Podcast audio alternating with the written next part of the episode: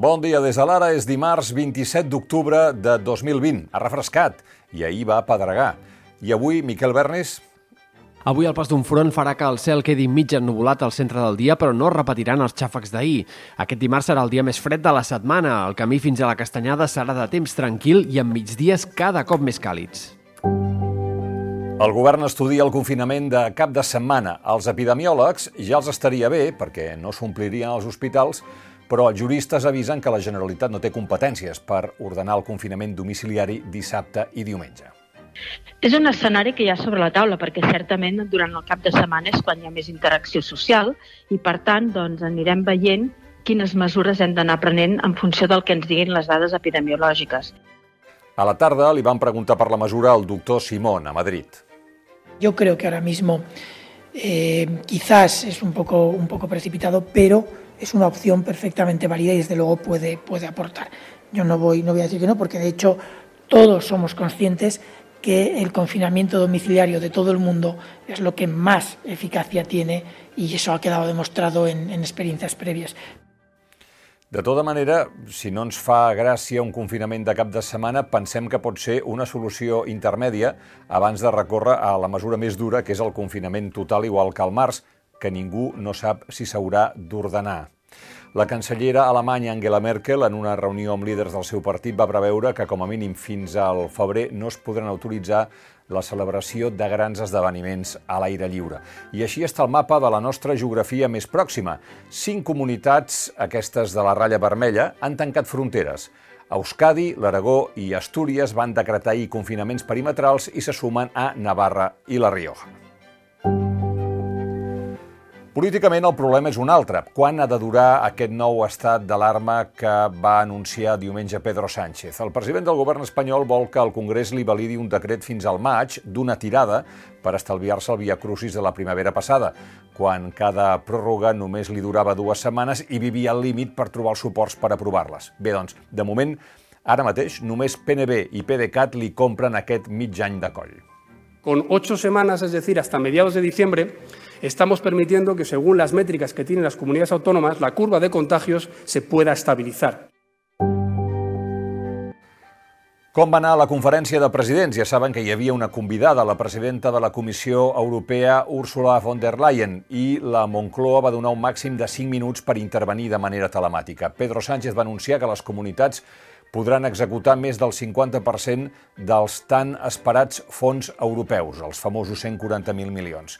Pere Aragonès va aprofitar per denunciar davant von der Leyen la inhabilitació de Quim Torra i va reclamar un referèndum i sobre els fons va demanar el 22% d'aquesta quantitat per Catalunya. I, per cert, gener del 2022, aquesta és la data que l'expresident Quim Torra podrà tornar a exercir un càrrec públic. El Tribunal Superior de Justícia de Catalunya va dictar una resolució que especifica els termes de la condemna d'un any i mig d'inhabilitació i en la qual té en compte el temps que Torra ja va estar suspès com a diputat del Parlament.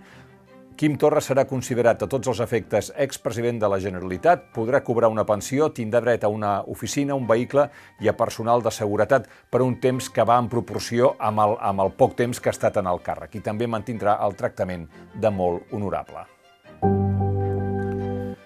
Fa un parell de setmanes, diverses militants de Junts per Catalunya es van adreçar a la diputada Aurora Madaula per explicar-li que s'havien sentit assetjades sexualment per un membre destacat de l'organització.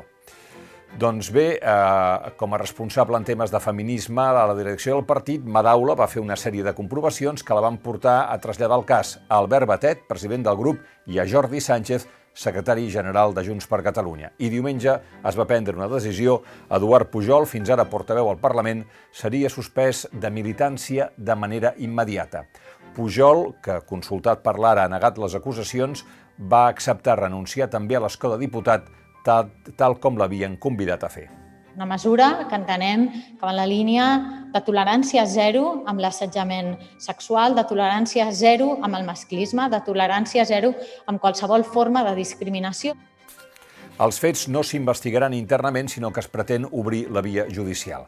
I en aquest sentit publiquem un article firmat per 48 dones de l'espai de la CUP, titulat No ens fareu fora, on parla dels assajaments sexuals i agressions a dones a la societat en general, però també a la política, i on, en relació amb la informació publicada per l'Ara que afectava l'exdiputat Quim Arrufat, diuen en aquest procés hem vist amb impotència, frustració i ràbia com el presumpte agressor ha utilitzat la seva visibilitat i poder mediàtic per publicar un relat que revictimitza les dones agredides sense cap mena de possibilitat de contrastar la seva versió.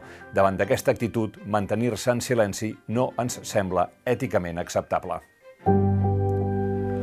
Molt interessant el que està passant a Xile. Més del 78% dels electors han escollit canviar la Constitució heretada de la dictadura de Pinochet entre el 73 i el 90. La participació en aquest referèndum per una nova Constitució, els hi preguntaven si en volien una de nova, ha superat el 50% malgrat les restriccions forçades per la pandèmia. I també ha estat categòrica l'elecció de l'òrgan que ha d'escriure la nova Constitució. Podien votar si volien que ho fessin els polítics o si volien una assemblea de ciutadans. I han preferit aquesta opció, una anomenada Convenció Constituent, formada íntegrament per 155 ciutadans escollits directament per la ciutadania. Però aquesta matinada, mentrestant, més al nord,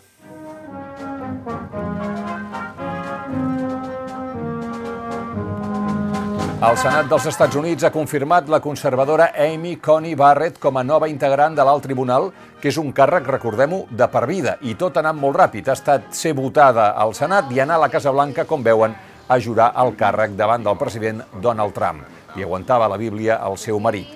El Partit Republicà culmina amb èxit un procés que deixarà una profunda empremta al país durant dècades, perquè un terç dels jutges del Suprem han sigut elegits per Trump. El tribunal queda ara escurat a la dreta amb una majoria de sis jutges conservadors per tres de progressistes. L'elecció de la candidata de Trump que és l'antítesi de Bader Ginsburg, implica, per exemple, que un dret com el de l'avortament, constitucional des de fa gairebé mig segle, corri el risc de quedar anul·lat, perquè el 2013 Coney Barrett va estampar la seva firma en un anunci en què qualificava d'infama la decisió del Suprem de l'any 1973 mm, que el va reconèixer a, a l'avortament com un dret constitucional. El Barça, la directiva, que ha dilatat el procés de la moció de censura tant com ha pogut, continua marejant els socis amb la data, el virus i la Generalitat. Sí, nos contestan, por supuesto, que no puede ser y que hay que votar el día 1 y 2, pues la, la sede única es el Camp Nou. Pero como he dicho antes, cuando tengamos la respuesta uh, de la Generalitat, convocaremos a la Junta Directiva y hablaremos del tema. Això de parlar amb la Junta Directiva serà demà, una patada, una puntada més a la llauna a la carretera. I acabem amb el Mirades d'avui. Miren quina escena. El fisioterapeuta Abdelmaula Ibrahim tracta un pacient en un centre sanitari d'Alep, al nord de Síria. Aquest jove sirià de 24 anys volia ser futbolista, però a causa de la guerra va perdre una cama. Després d'aconseguir una pròtesi, va decidir estudiar fisioteràpia i ajudar altres persones amb lesions similars a la seva. La vida i la joventut malden per obrir-se a pas, i ho aconsegueixen. Fins aquí les claus del dia, tornarem d'aquí uns minuts amb l'anàlisi.